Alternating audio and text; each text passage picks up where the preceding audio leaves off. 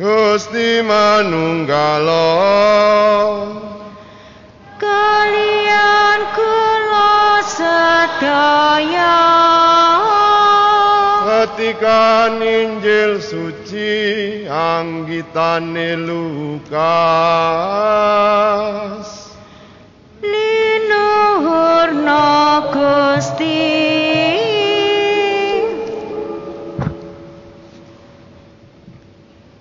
Nalika samono saka antarane wong akeh ana sing matur marang Gusti Yesus.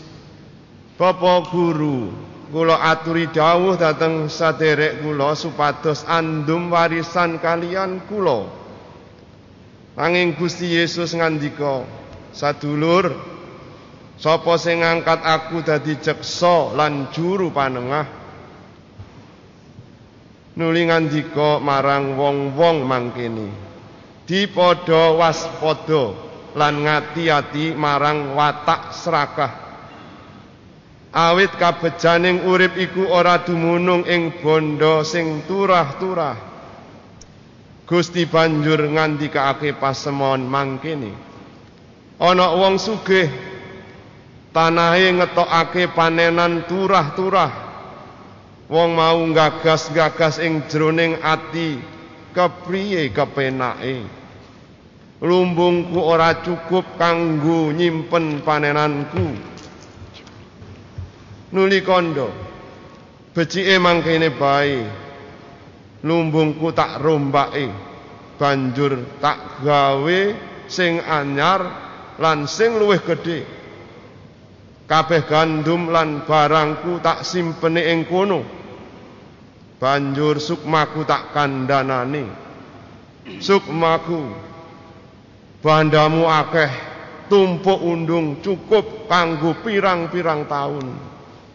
Saiki ngaso mangano ngombe lan seneng-seneng. Nanging Gusti Allah ngandika marang wong mau. Wong cubluk.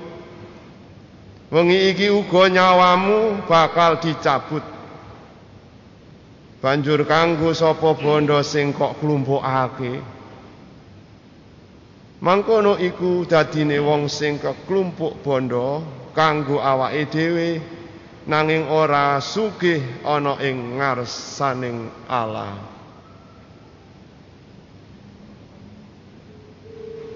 Rahayu wong kang uripe salaras karo sabda dalem lan ngugemi dawuh-dawuh dalam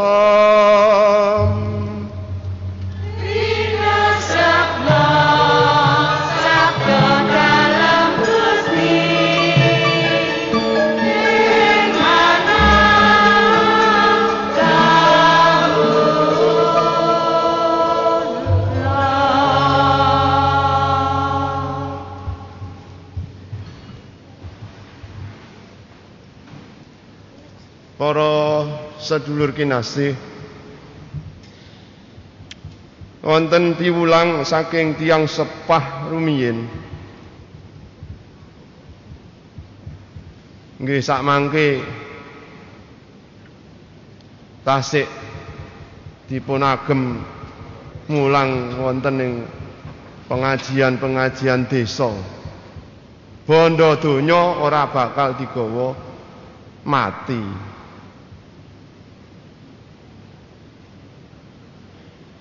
kadosipun menika remeh sepele ananging menika kawontenan ingkang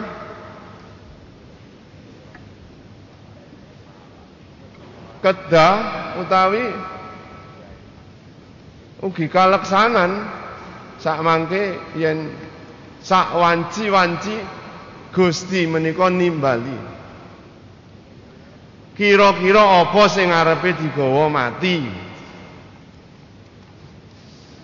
Mosok bondo donyaku. Mas kalung gondelku, tabunganku, omahku, montorku lak mboten. Menika lajeng piwulang kagem para-para supados wonten gesangipun nggadahi piweling eling. Yen besok mati kuwi bondo donya kuwi ora bakal melu melu mati.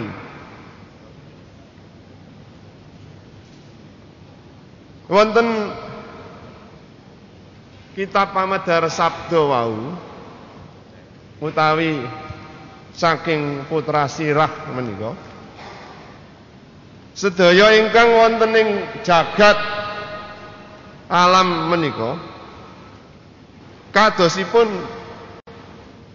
muspra lan tanpa guna ingkang sak ngandhapipun srengenge menika tidak abadi. Ingkang dipun tindakake dening manungsa anggenipun gesang bebrayan bangun griya dadi wong sing mituhu wong sing piyawe wong sing diarani. Iso ngopo-ngopo menika kadosipun ing ngarsan dalem Gusti mangke wangsul dhateng Gusti menika muspra lan tanpa guna kabeh sing tak duweni iki rasane kaya sia-sia belaka. Niku saking kitab Putra Sirah utawi pamedar sabdo ingkang wonten ing waosan sepisan wau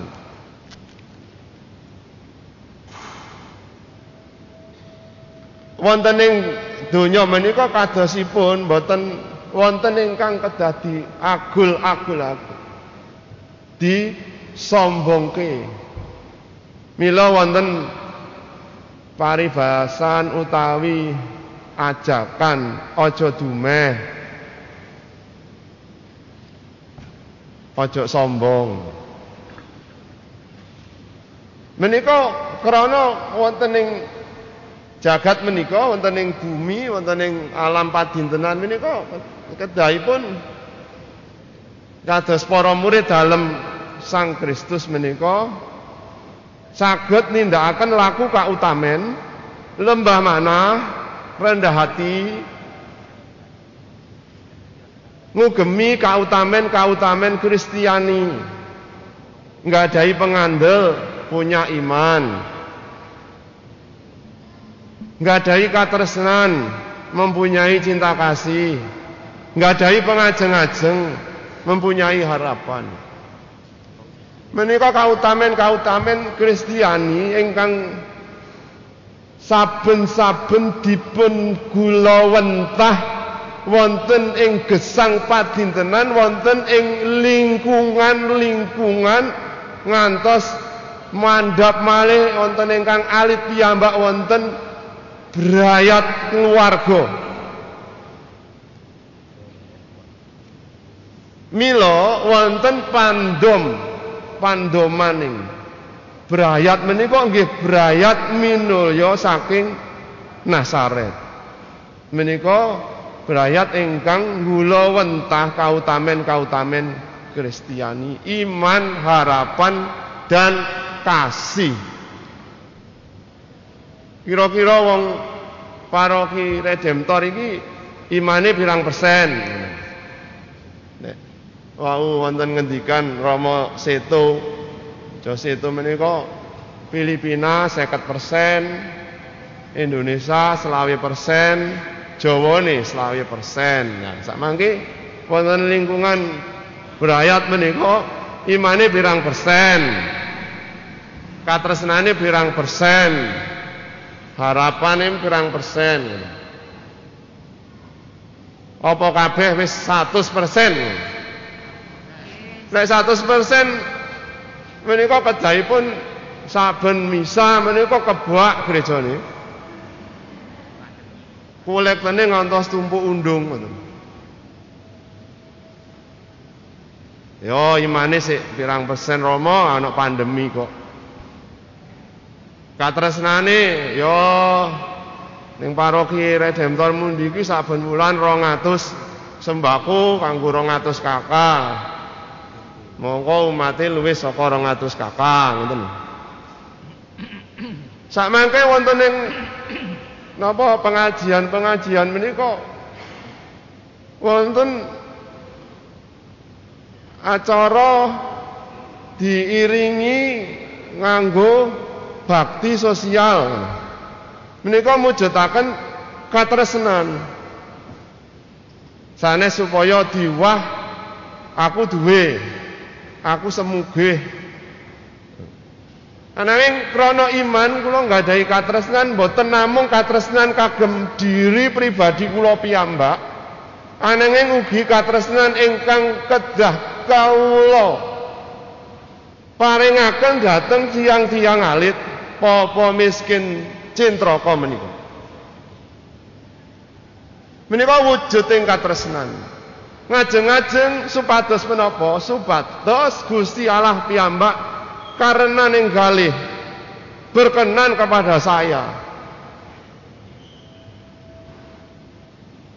Yen aku duweni iman lan katresnan pengajeng-ajengku sing tak arep-arep iku Gusti Allah pangeran iku berkenan karo uripku.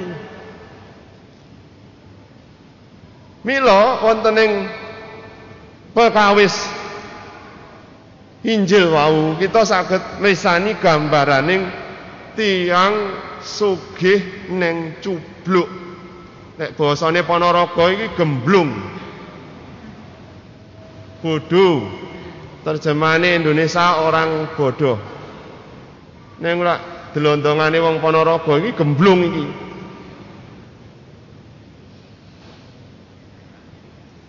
wonten tiyang ingkang matur dhateng Gusti Yesus.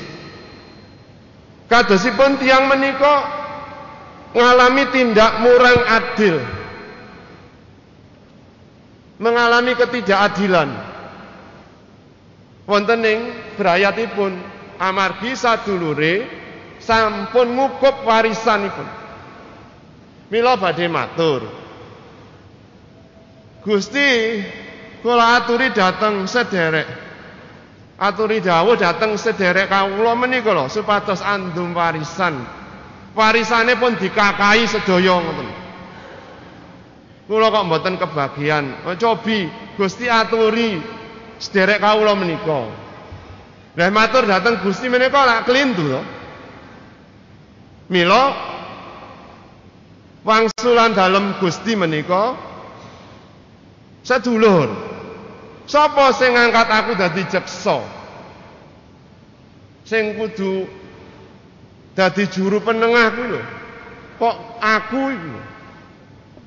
Ketemu pirang perkara. Ah. Kudune takon ning nggonku kuwi bab-bab sing duduk kadonyan, bab-bab sing karohanen. Nek we takon bab karohanen bakal tak bantu. Kaya kanca-kancamu biyen sing takon, Gusti kados punapa anggenipun kawula saged nggayuh gesang langgeng. Anggenipun resnani sesami, sesami kula menika sinten? Nika wonten. Tiang Samaria ingkang laku utama menika lan dados sesami. Nah, pitakenan menika lajeng boten dipun wangsuli ananging Gusti badhe medar sabda dhateng tiang sanes, tiang kathah menika ingkang ngrumbul wonten ing Gusti menika. Dipadha waspada lan ngati-ati marang watak serakah kemaruk Nek basane ngoten, kemaruk. Kemaruk bondo donya. Hati-hati. Di waspada menika wonten ing batin. Hati-hati batinmu, waspada. Iki sering kagodha. Mila ning di bondomu ning kono atimu. Nek Gusti nate ngendikan di mana hatamu berada, di situ hatimu ada kan. Nah, mila menika manah batos menika kedah dipun tata malih supados saged mbedak mbedakake iki bondo kadonyan iki bondo kasuwargan.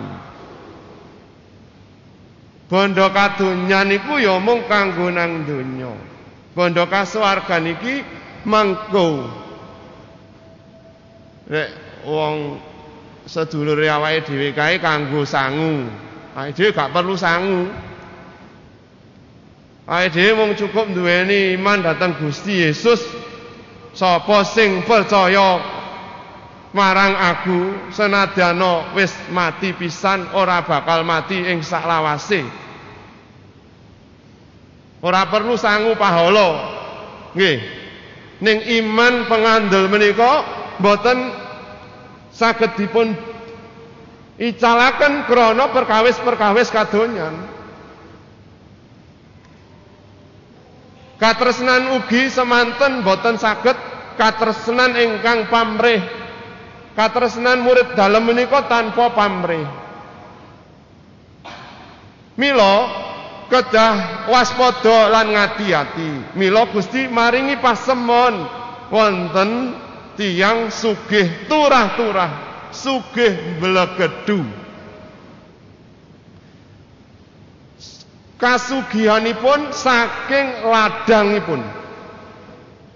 Rumiyin nggih wonten napa ada giyum kados kados piwulang ya wong iku urip sing didelok kuwi tanah ladang. Wong iku urip diopeni karo tanah ladang. Nah, gambaran tiang sugih mblegedu wau dipun aturaken kanthi pasemon dening Gusti dateng tiang-tiang ingkang ngrumbul wonten ing Gusti wau. Supados nggadahi piweling ngatos-atos wonten ing gesangipun.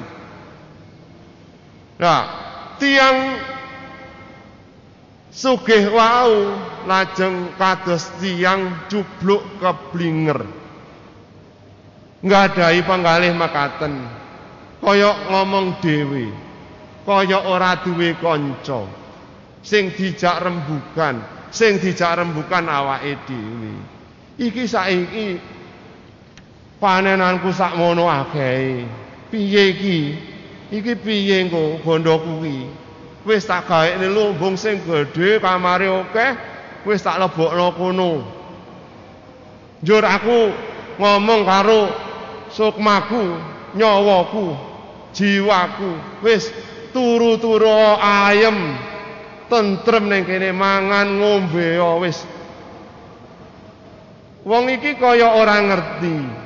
Urip menika kagungan dalem Gusti. Gesang menika pinarengaken.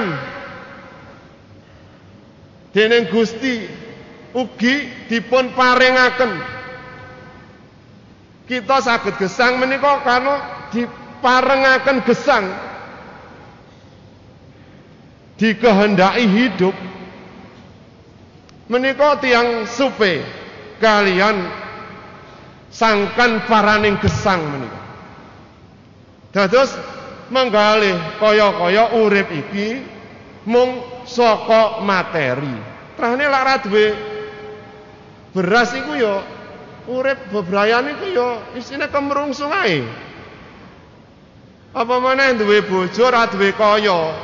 Wah seruwet iki rumah tangga iki. Terus utange akeh. Gek tunggane sakmono kae ngedol apa maneh.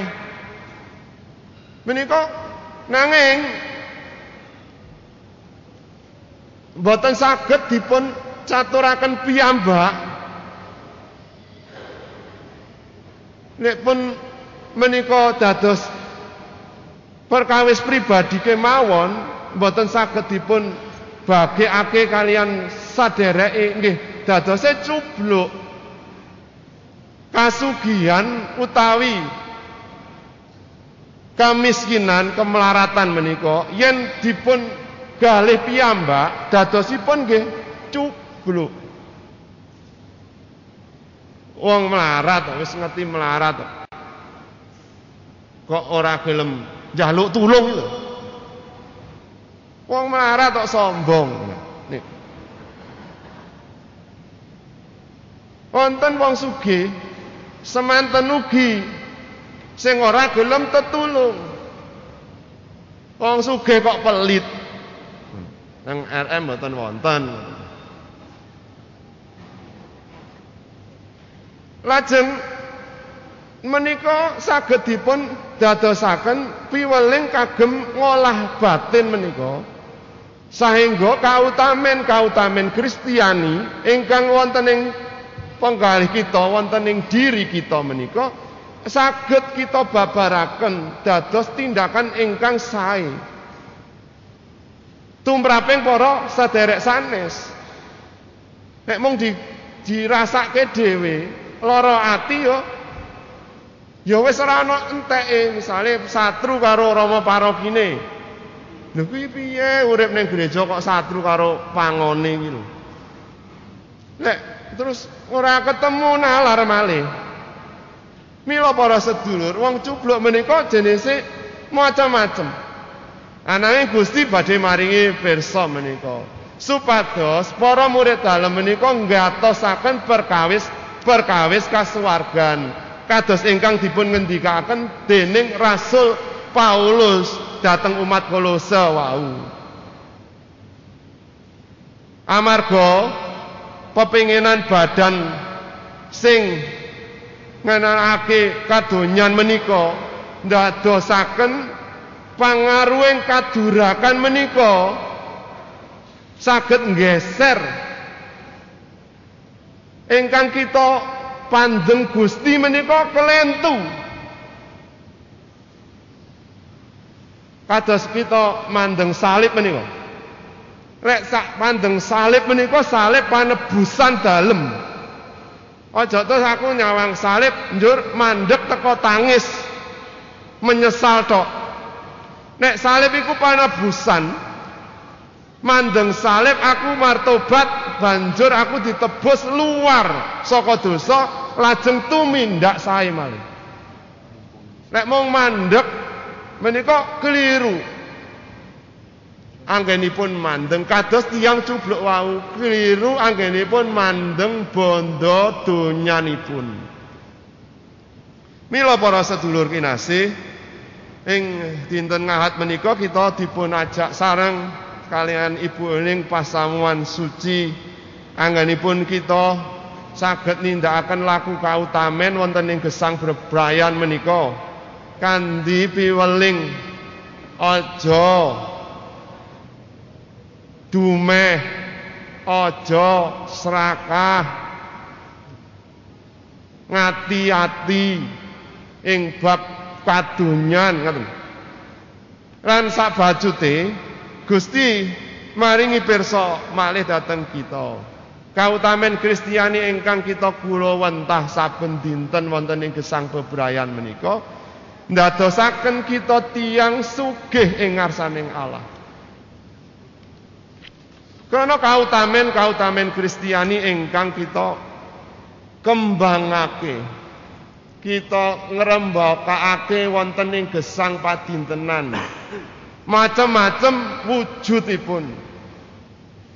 Sabajute perikop menika lak piwulang dalam Gusti supaya nggatekake tiang-tiang ingkang betahaken pitulungan. Mila dipun cegati riyin. Hati-hati karo bondomu ya. Nek bondomu ora iso kok dum, mbok pek hati-hati. Kon kabeh iki iso andum.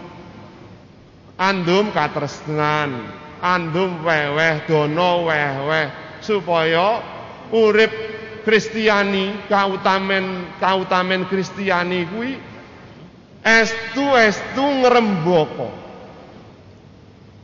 Sungguh-sungguh berkembang wonten ing gesang padintenan wonten berayat berayat Katolik wonten ing paroki lingkungan-lingkungan kita sedaya. Kita nyuwun dayaning yang roh suci supados kita saged katuntun wonten ing gesang kautamen Kristiani menika saengga estu-estu kita ngestokaken dawuh piweling dalem menika kanthi pasemon ingkang sampun dipun serat wonten ing Injil Lukas menika. Mugi linornya yang Rama yang Putra tuwin yang Roh Suci kados ing mula buka sak menika sarta ing salamilan. Tuhan bersamamu dan bersama rohmu. Inilah Injil suci menurut Santo Lukas. Dimuliakanlah Tuhan.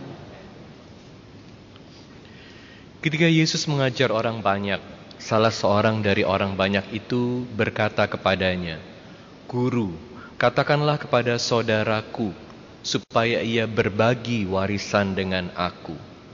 Tetapi Yesus berkata kepadanya, "Saudara, siapakah yang telah mengangkat aku menjadi hakim atau penengah bagimu?" Kata Yesus lagi kepada orang banyak itu, "Berjaga-jagalah dan waspadalah terhadap segala ketamakan.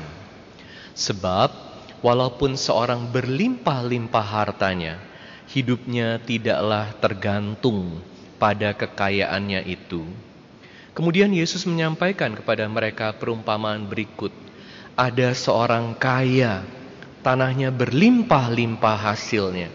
Ia bertanya dalam hatinya, apakah yang harus kuperbuat sebab aku tidak mempunyai tempat untuk menyimpan segala hasil tanahku.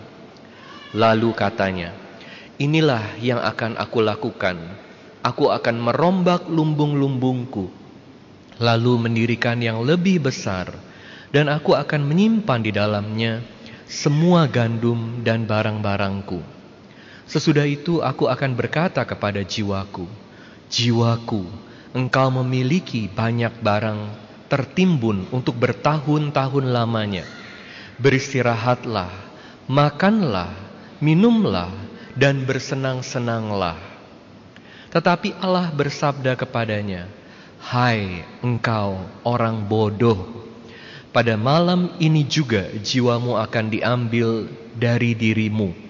Dan bagi siapakah nanti apa yang telah engkau sediakan itu? Demikianlah jadinya dengan orang yang mengumpulkan harta bagi dirinya sendiri, jika ia tidak kaya di hadapan Allah. Demikianlah Injil Tuhan. Terpujilah Kristus. Hai engkau orang bodoh, malam ini juga jiwamu akan diambil dari dirimu. Bagi siapakah nanti apa yang telah engkau sediakan itu?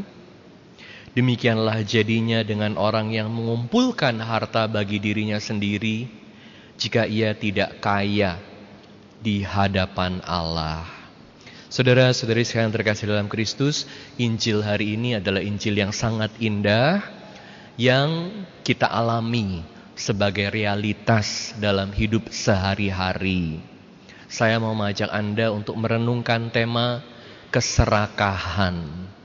Pertama, saya mau mengajak Anda melihat pentingnya uang dalam hidup kita. Kedua, saya mau mengajak Anda melihat bagaimana uang bersama Tuhan itu bisa jadi berkat, tapi uang tanpa Tuhan menjadi kutuk. Pentingnya uang, uang tanpa Tuhan jadi kutuk uang dengan Tuhan jadi berkat. Tentu kita sadar, kita tahu dalam hidup kita sehari-hari segala sesuatu itu kita beli dengan uang. Kita perlu uang untuk kehidupan kita sehari-hari.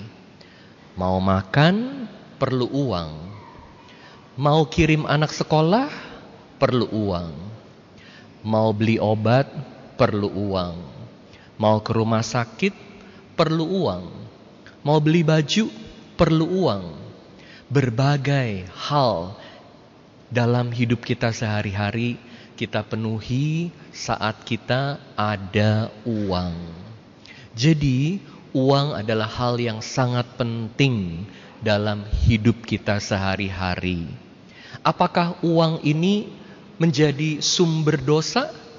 Apakah uang ini jelek atau netral atau baik? Tentu uang ini tidak jelek. Tidak pernah dikatakan dalam kitab suci bahwa uang adalah akar dari segala dosa. Nggak pernah dikatakan. Jadi uang itu tidak jelek. Bahkan bukan hanya netral. Kalau netral kan artinya kan ya bisa jadi baik, bisa jadi jelek. Tergantung yang pegang. Bukan tergantung yang pegang. Karena uang itu sendiri baik adanya. Uang ini menjadi pengganti dari berbagai komoditas, berbagai hal yang Tuhan sudah sediakan buat kita. Makanya apa-apa dibeli dengan uang. Nah, tapi uang harus digunakan dengan baik. Uang tanpa Tuhan bisa-bisa menjadi kutuk. Nah, bagaimana uang tanpa Tuhan ini? Uang tanpa Tuhan, seperti dikatakan dalam bacaan kedua, keserakahan itu sama dengan menyembah berhala. Keserakahan sama dengan menyembah berhala.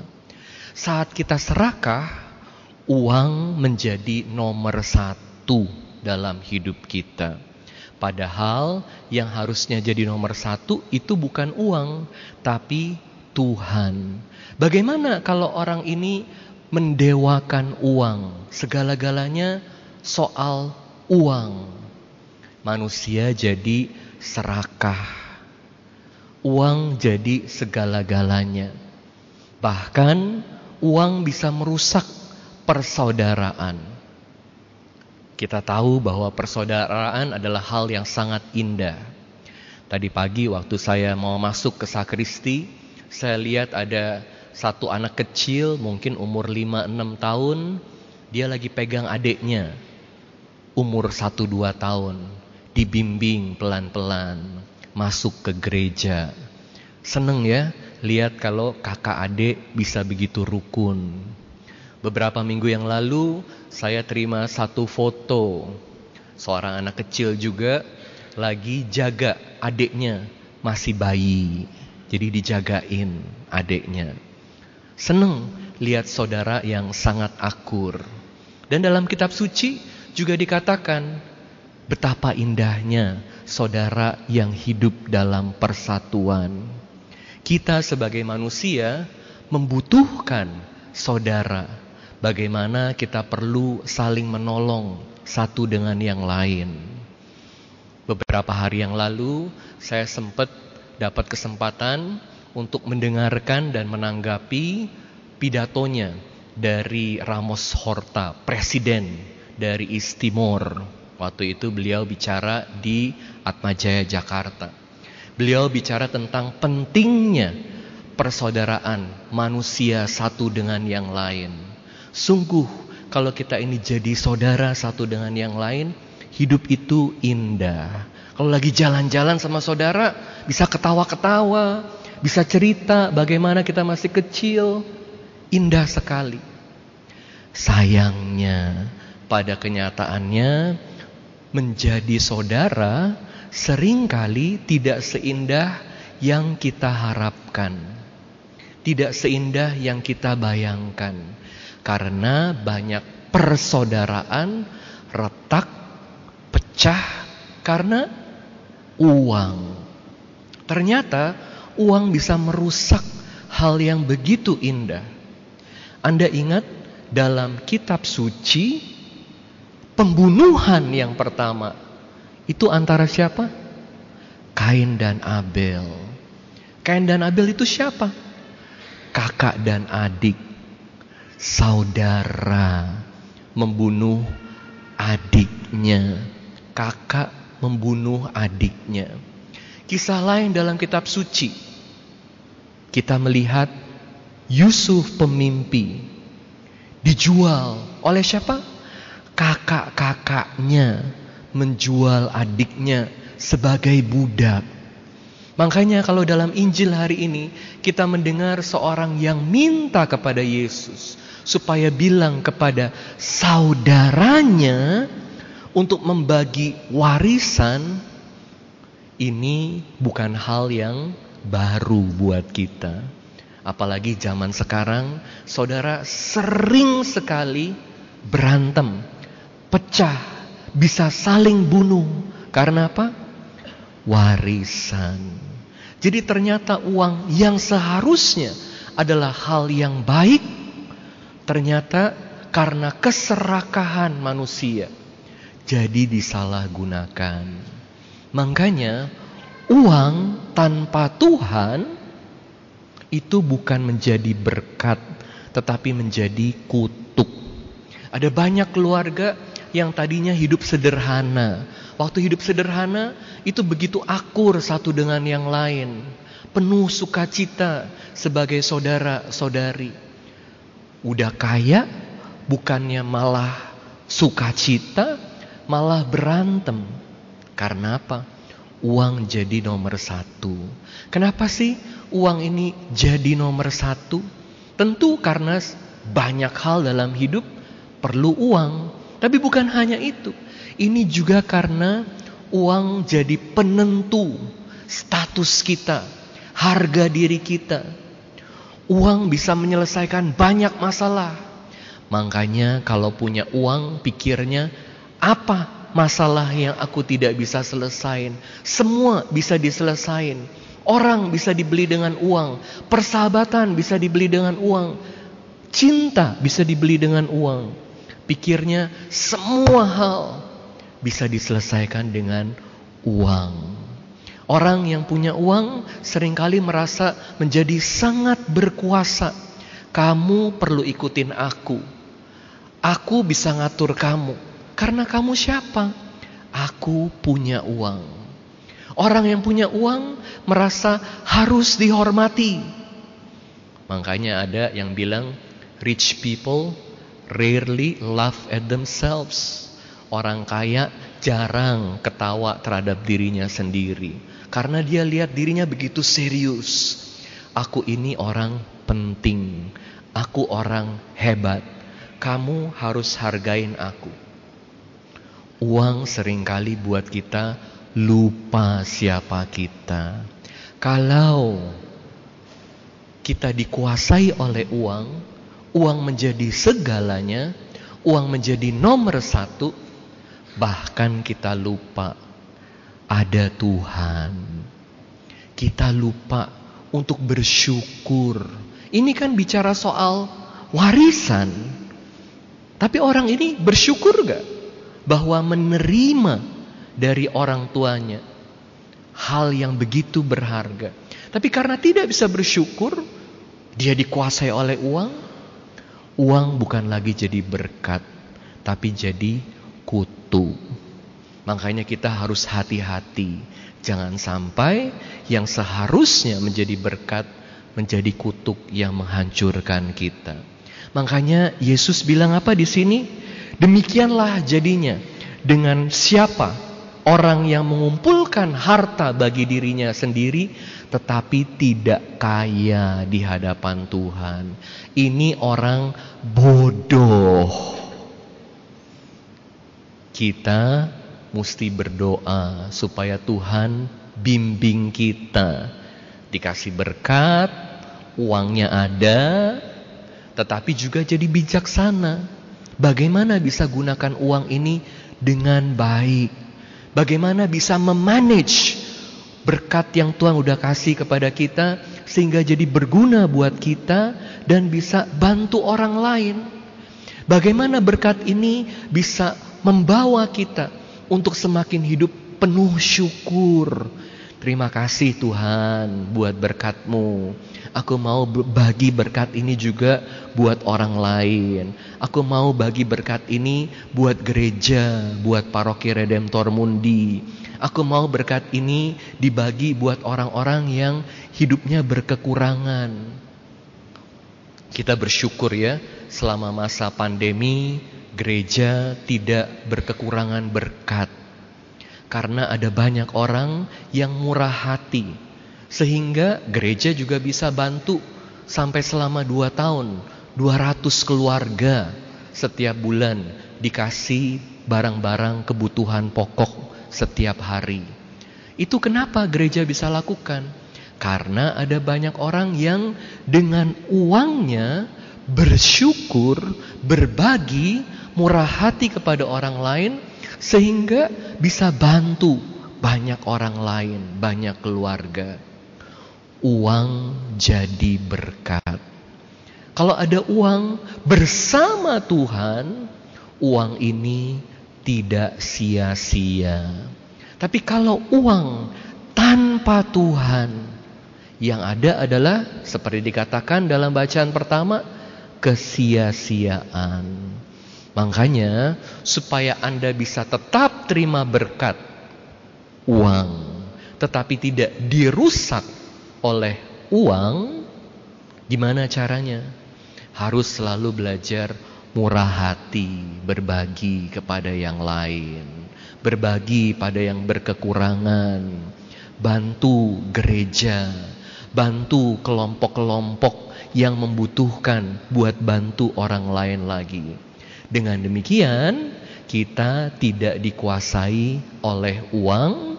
Uang berfungsi sebagaimana seharusnya. Saya mau tutup dengan satu kisah yang saya baca sangat indah tentang Grace Kelly. Anda tahu gak Grace Kelly? Grace Kelly ini uh, aktris wanita yang sangat cantik Mama saya seneng sekali sama Grace Kelly. Jadi waktu saya masih kecil kadang-kadang saya suka dengar mama saya bicara namanya Grace Kelly. Kalau Anda belum pernah lihat, nanti Anda coba cari fotonya di internet. Dia sangat-sangat cantik, sangat terkenal, bahkan satu kali dia itu menerima hadiah Oscar dari Hollywood. Tapi yang saya mau sampaikan kepada Anda ini bukan soal keterkenalannya, bukan soal kayaknya Grace Kelly, tapi soal imannya. Dia hidup dengan iman yang luar biasa. Dari dia masih kecil dia udah dibaptis Katolik. Kemudian dia sekolah di sekolah Katolik. Kemudian karena kecantikannya dia jadi aktris yang sangat terkenal. Waktu dia menang Oscar, apa yang dia rasakan? Harusnya kan jadi bahagia sekali kan? Tapi ternyata dia merasa, aduh kok kayaknya masih ada sesuatu yang kosong dalam dirinya. Dia nggak terlalu bahagia. Ketika dia udah menikah, dia menemukan pasangan yang seiman, yang luar biasa. Dia bisa berbagi hidup. Dia menyadari kenapa ya waktu dia jadi aktris kok rasanya nggak terlalu bahagia. Yang dia sadari adalah ternyata waktu dia di Hollywood penuh dengan orang yang cantik, penuh dengan orang yang ganteng, penuh dengan orang yang terkenal, superstar, superstar. Ya, bintang terkenal di mana-mana. Grace Kelly bilang, yang saya rasakan di Hollywood itu ada banyak sekali ketakutan. Kenapa ketakutan?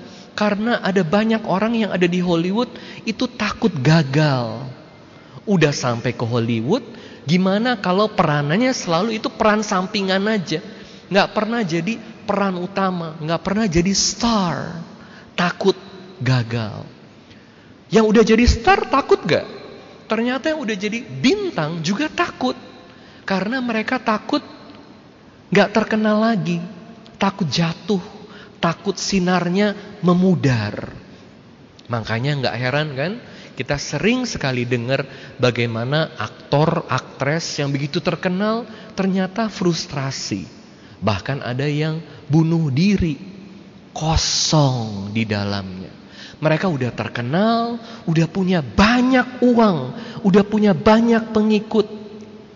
Tapi tanpa Tuhan itu nggak ada artinya, sia-sia, bahkan bisa menjadi kutuk. Nah, puji Tuhan, Grace Kelly ini selalu pegang imannya. Waktu dia mau cari pasangan hidup, Anda tahu gak suaminya siapa? Suaminya adalah pangeran Pangeran Reynard dari Monaco. Dia senang sekali sama Pangeran Reynard, bukan pertama-tama karena gantengnya, juga ganteng. Bukan pertama-tama kaya karena kayaknya, juga kaya. Tapi yang buat dia itu senang sekali sama Pangeran Reynard karena mereka punya iman yang sama, sama-sama Katolik, dan sama-sama bukan sekedar Katolik yang pergi ke gereja tiap hari Minggu, itu udah penting sekali. Tapi mereka rajin doa sama-sama.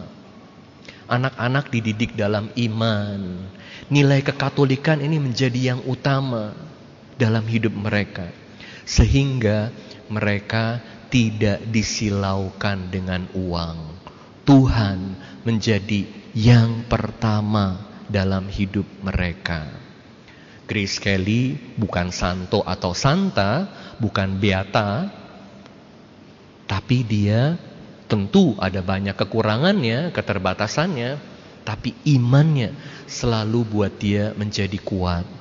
Grace Kelly meninggalnya waktu dia baru umur 52. Waktu dia umur 51 dia sempat jadi bagian dari satu production televisi yang katakan a family that prays together stays together. Satu keluarga yang doa bersama itu selalu Tuhan persatukan. Itu waktu dia umur 51. 52 waktu dia lagi nyetir, dia kena serangan, pembuluh darahnya pecah, lalu dia nggak sadar dan kecelakaan. Waktu itu dia meninggal. Tapi hari itu adalah hari yang khusus buat gereja. Gereja merayakan kemenangan salib Kristus. Kita nggak tahu artinya apa. Tapi kalau kita lihat dari bagaimana Grace Kelly ini hidup dengan penuh iman, hidup dengan Yesus sebagai sumber kekuatannya, kita bisa lihat bagaimana Yesus mencintai dia, dia dipanggil kembali ke rumah Bapa di hari yang penting buat gereja. Saudara-saudari yang terkasih dalam Kristus, kita bersyukur untuk berbagai berkat yang Tuhan udah kasih kepada kita berkat materi. Semoga berkat ini sungguh-sungguh jadi berkat, bukan jadi kutuk, karena kita selalu hidup dalam Tuhan. Amin. The Lord be with you. And with your spirit. A reading from the Holy Gospel according to Luke. Glory to you, O Lord. Someone in the crowd said to Jesus, Teacher, tell my brother to share the inheritance with me. He replied to him, Friend, who appointed me as your judge and arbitrator? Then he said to the crowd, Take care to guard against all greed. For though one may be rich, one's life does not consist of possessions. Then he told them a parable. There was a rich man whose land produced a bountiful harvest. He asked himself, What shall I do? For I do not have space to store my harvest. And he said, This is what I shall do. I shall tear down my barns and build larger ones. There I shall store all my grain and other goods. And I shall say to myself, Now as for you, you have so many good things stored up for many years. Rest, eat, drink, and be merry. But God said to him, You fool, this night your life will be demanded of you. And the things you have prepared, to whom will they belong? Thus will it be for all who store up treasure for themselves, but are not rich in what matters to God.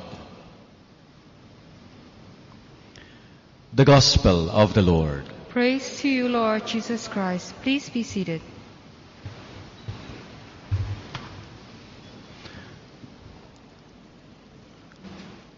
One of my most difficult preaching moments to preach like this was to give a retreat to a group of employees who were so unmotivated. They actually did not like to go to the retreat. So, how will you talk to people who don't like to be there?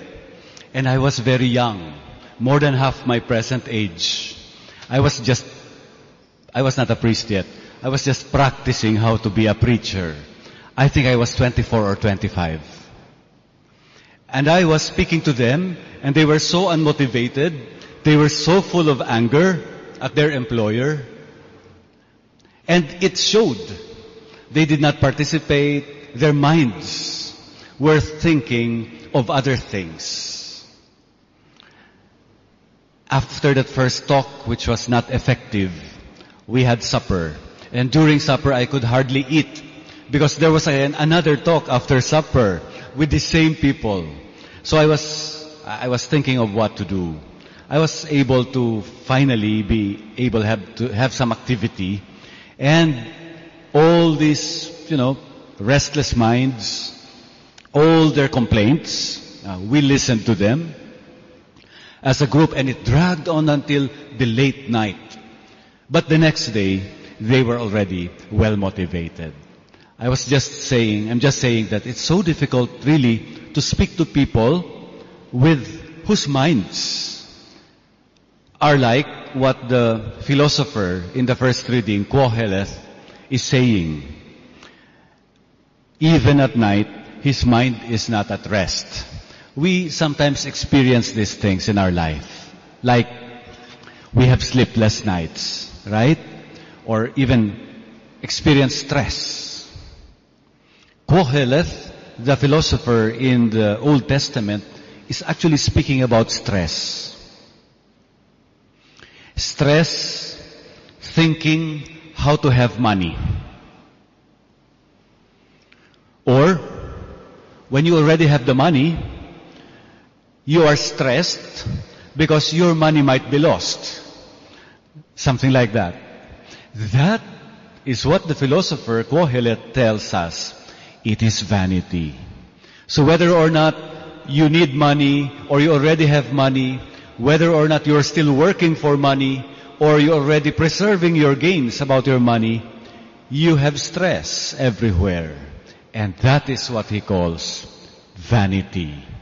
If it goes too much or it becomes too much stress for you, then all your days will be like spent in sorrow and grief.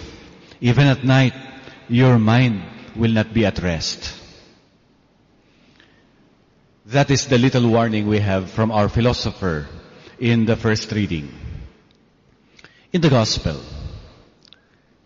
the person who approached Jesus also had a mind that is not at rest. Do you know the dialogue? Jesus was in front of so many people and here comes this man complaining, Lord, my brother, my brother, so he's related.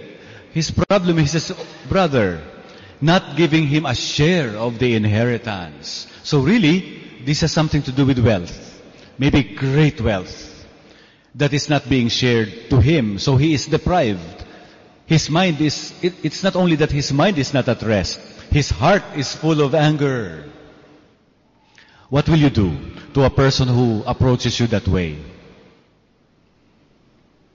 Look at what Jesus did. Let's look at what Jesus did. Jesus answered him. And the way Jesus answered, if it were you, come, if you put yourself in the shoes of the man with a problem about his brother. Let's say you have a problem with your own brother or your sister, not giving to you your share of the inheritance. And then you come to me today. Father, Romo, my brother does not give, and I will tell you the answer of Jesus. The answer of Jesus is, Am I a lawyer?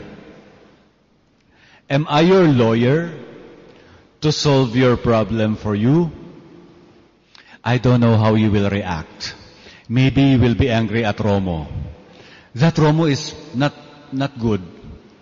I have this problem, I have all this trouble, and he drives me away.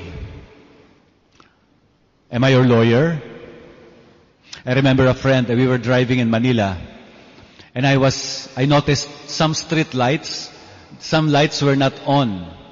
Uh, they were already dead. So I was telling my friend who was driving, I think these lights need to be replaced, etc. And he answered me, yes, Mayor, we will do that. So I looked for a way to, to get back. This is a priest who was driving. And he noticed the fountain. The beautiful fountain was off. The water was not coming out of the fountain. And he said, what a pity. The fountain is not working. So I told him, yes, engineer, tomorrow it will be done. Am I your mayor? Am I your engineer? Am I your lawyer? That's the way Jesus was answering. Jesus was like joking. Is that a prophet? Joking. Is that a teacher? Joking? Or a holy man even? But that is the width of Jesus. That is one side of Jesus. There's another side. After he has captured the attention of this man, maybe also of his brother behind him, and the rest of the crowd, Jesus told them a parable. First, you have a witty Jesus. Second, you have a wise Jesus. You know, if I were not a Christian, reading this gospel, I will begin to consider to become a Christian. Your teacher is very good, Jesus. He told them a parable. And he was telling everyone. He was not just solve, solving the problem of one. Or maybe the two brothers. He was not ju- just solving. He was solving the problem, the problem of everyone. For isn't it? We have some form of greed. We're kind of greedy. Not very greedy maybe, like that other brother, not sharing the inheritance. But sometimes we have that, those forms of kind of selfishness. So Jesus warns the rest of his hearers, be careful about greed. And he tells them the parable of this rich man who was building his barn, expanding his barn, planning a party, like a retirement party. Don't we like that? We work, we have early retirement, and then we enjoy the fruits of our labor. It is good. And yet there is one thing that is lacking, and that is the wisdom to be able to recognize that there is a limit to it all. And that limit is not ours. That limit is God's. And that is what Jesus taught us, taught his listeners in that same parable. The time will come when even the property that you have built the rest of your life will not be yours anymore. Are you prepared to accept that? Or maybe it may not be about property. Maybe it will be about the plans for your kids. You have kids. You have dreams for your kids. Someday this kid of mine will become, will become a nurse. Maybe will become a doctor. Or, the, or these sacristans. Maybe will become a priest. And then your dreams do not happen. The nurse becomes a doctor. The doctor becomes a priest. The priest becomes an engineer. It's all different. It's not ours. What is the solution? The solution is taught to us by our great teacher, St. Paul, in his letter to the Colossians. When you have stress in your life, St. Paul tells us, think of the higher things. To solve your restless minds, sometimes sleepless nights, what does St. Paul tell us? Think of what is above, not what is of earth. Put to death in you your desires. Everything that is a part of you that is earthly. And then that is the only way when you will begin to live. Because come to think of it, Christ died for us to teach us how to die to ourselves. And in dying to ourselves, we don't lose anything because we die in Jesus. And if we die in Jesus, our old self, St. Paul tells us, that is the one that dies. We are taking off that old self with its practices. And we are putting on a new self, new knowledge. And that is in the image of our Creator. What a beautiful teaching St. Paul is imparting to us today. To be able to allow us to say yes to the challenge of Jesus about putting an end to our greed or putting an end to the vanities that we so often pursue and make us unhappy. St. Augustine tells us the same things. St. Augustine says, it is better for you just to have little than to have so much and not be content about it. Because come to think of it, if you have little, you think of more. And if you receive more, you're very happy and you think of more. So you begin to be unhappy until you receive that more. It will be endless. And as Kohelet says, it is vanity. Let us pray that as we meet the Lord in the Eucharist today, we may be like Him. Maybe we will not be as witty as the Lord, but we may be as wise as Him. We may gain His wisdom. And the wisdom of the Lord is His love. His love for the man who had a troubled mind and a troubled heart, who approached Him his mind for his listeners, for the crowd who live in various stresses, in various levels of greed. His love for all of us who share the same concerns. We too have restless hearts. We too have stressful lives. We too pursue vanities that we know sometimes are useless, but we cannot let go of them. Let us pray for the grace to die to this old self and to put on Christ, to live in Christ, to put on new practices whereby we may learn to let go of greed and we may begin to discover how to share. Please stand. 愿主与你们同在，也与你的心灵同在。共度上路这福音。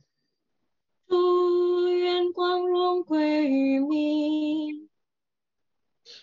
那时候，人群中有人对耶稣说：“老师，请吩咐我的兄弟和。”我返家吧。耶稣对他说：“你这个人呢，是谁立了我做你们的法官，为你们返家呢？”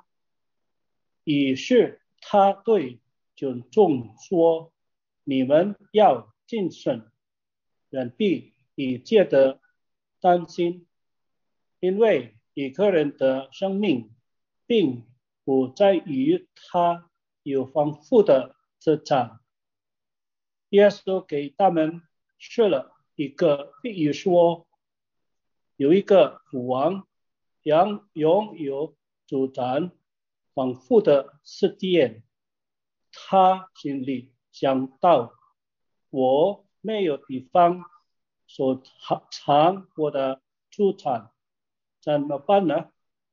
他又想，我要这样做，我要在为的我的厂房改建更更大的，这样在那里就能够收藏我的一切不累和债务，然后我可以对我的灵魂说：“灵魂呐，你主张了大量的债务，足够我年享用的了，你熟悉吧？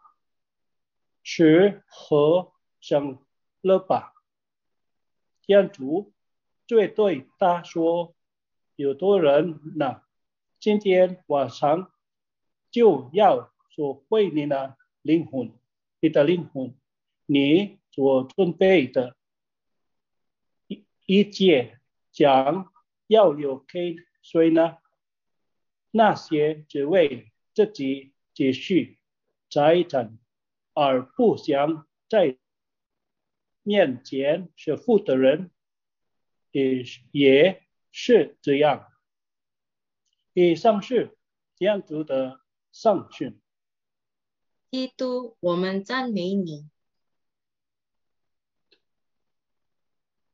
我的兄弟姐妹们，下午好。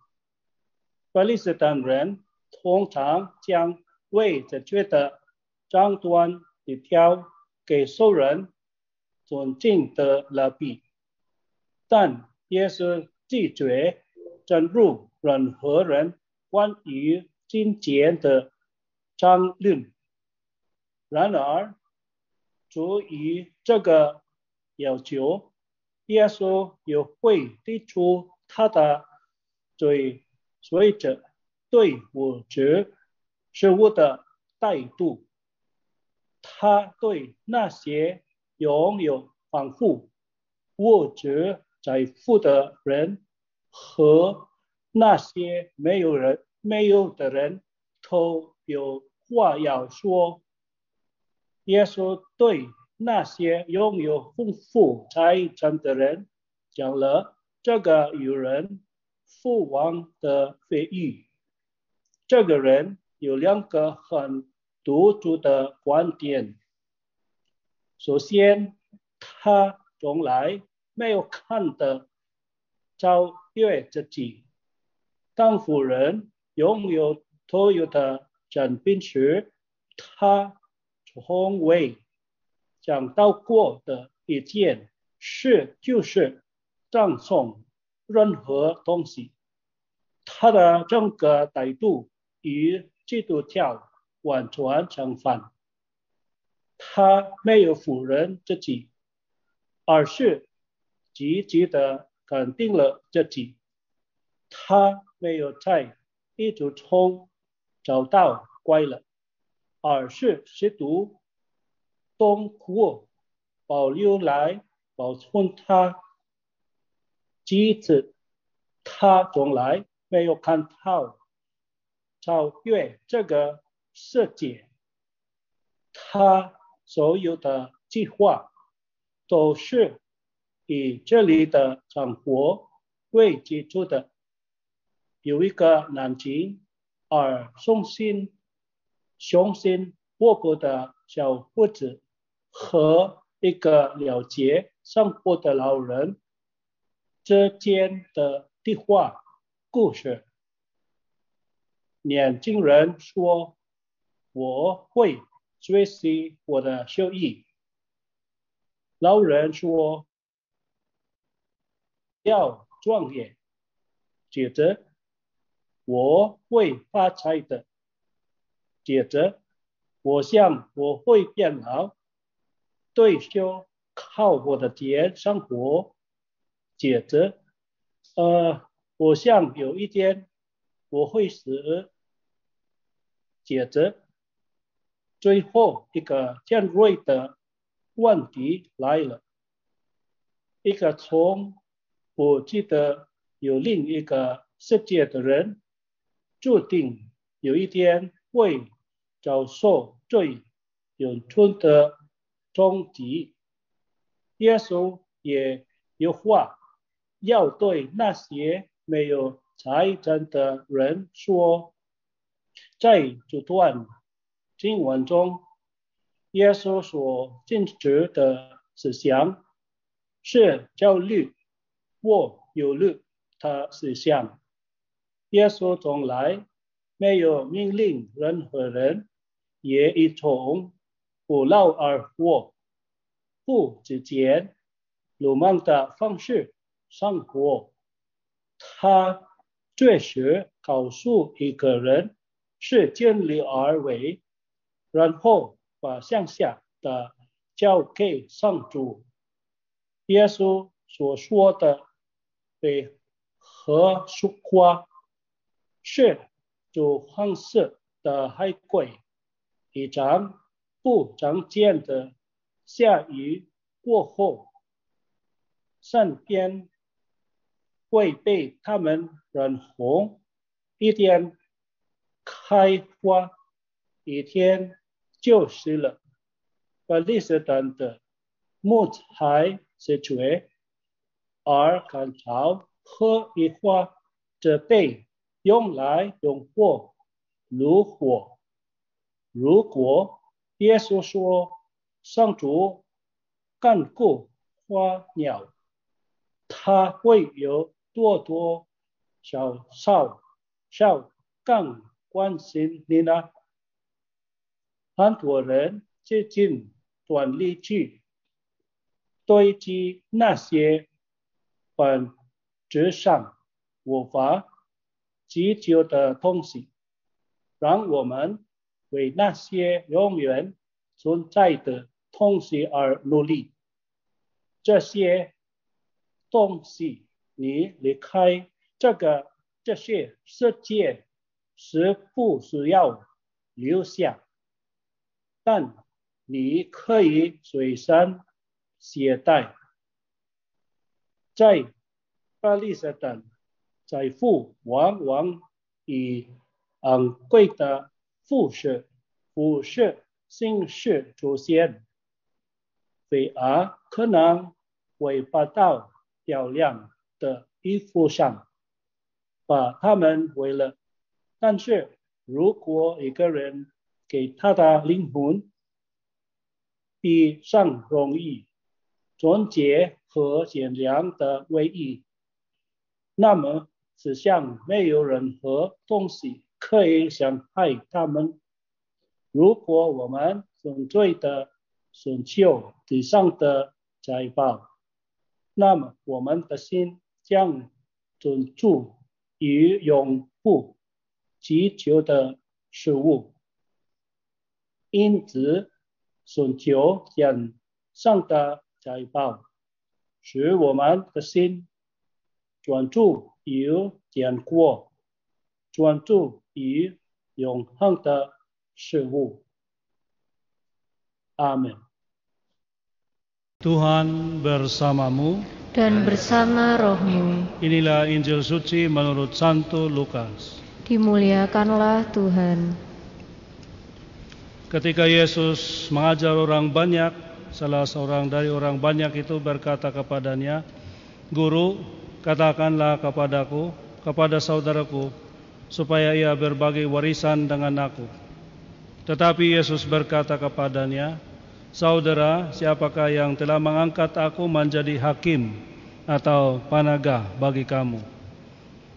Kata Yesus lagi kepada orang banyak itu, berjaga-jagalah dan waspadalah terhadap segala kata makan. Sebab walaupun seorang berlimpah-limpah hartanya, hidupnya tidaklah tergantung pada kekayaan itu. Kemudian Yesus menyampaikan kepada mereka perumpamaan berikut. Ada seorang kaya, tanahnya berlimpah-limpah hasilnya.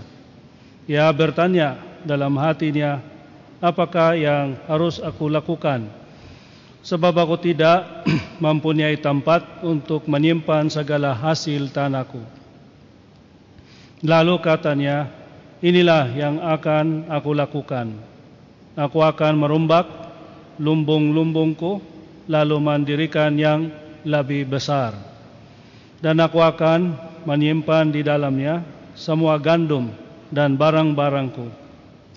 Sesudah itu, aku akan berkata kepada jiwaku, jiwaku, engkau memiliki banyak barang tertimbun untuk bertahun-tahun lamanya.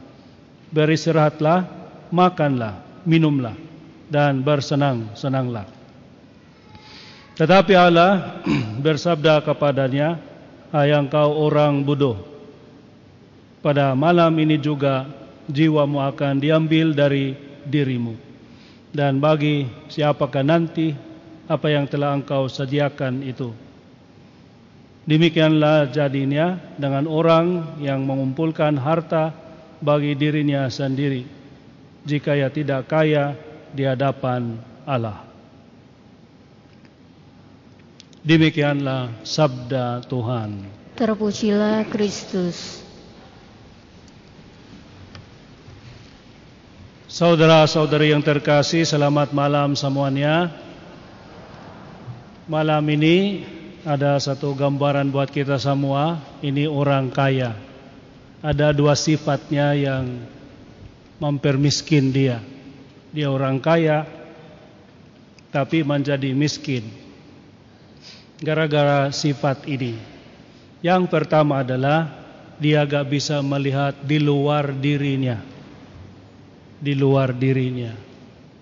Semua saja yang dia punya itu dia hanya bermimpi, berpikir, uh, berhitung, menghitung-hitung buat dirinya sendiri. Dia gak bisa melihat orang lain, uh, apalagi orang miskin, orang-orang yang punya kebutuhan di dalam hidup mereka. Jadi inilah masalahnya orang ini. Dia seorang kaya tapi tetap dia miskin. Kanya karena dia hanya berpikir buat dirinya sendiri. Beda kalau kita banding dengan orang ada orang Tionghoa dia punya sawah di atas gunung. Nah, itu sawah di atas gunung tapi gunung itu dekat pantai. Jadi dia bisa melihat pantai itu dari rumahnya dan terjadilah ada tsunami. Orang di sana mungkin pertama kali mengalami itu nggak memahami apa yang terjadi. Mereka terkejut karena sebelum air itu melampar kembali sebagai tsunami itu mundur dulu sangat cepat pada ikan pun ketinggalan di atas pantai itu. Karena itu banyak orang yang datang lari ke pantai untuk mengambil ikan itu.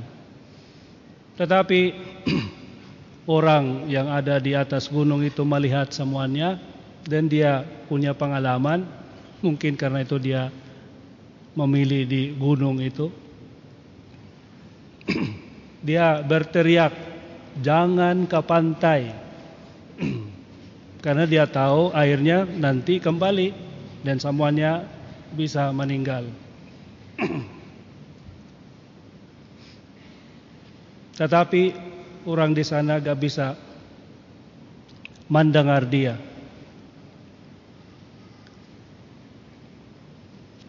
Karena itu yang dia lakukan adalah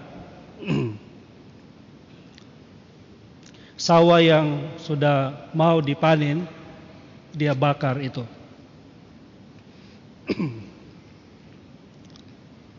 Mohon maaf.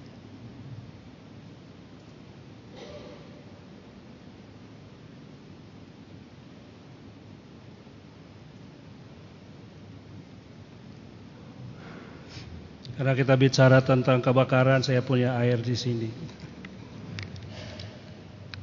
Dia membakar uh, sawahnya, Lalu orang orang yang di pantai itu melihat, wah, orang ini uh, sawahnya kebakaran.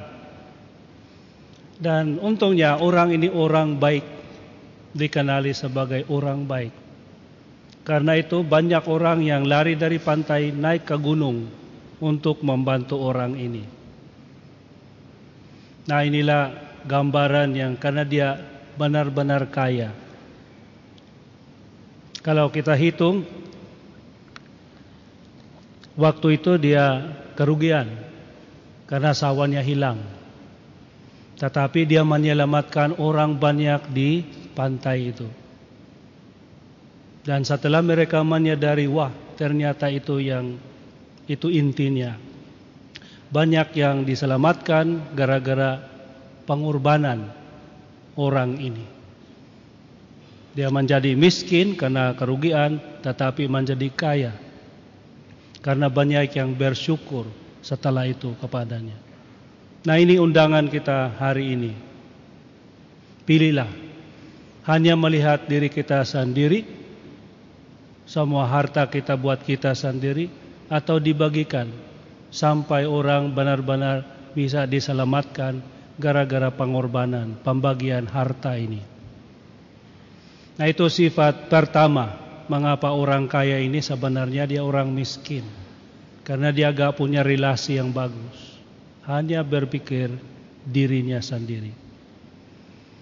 Sifat kedua adalah mengapa dia menjadi miskin karena dia gak bisa melihat di luar bumi ini.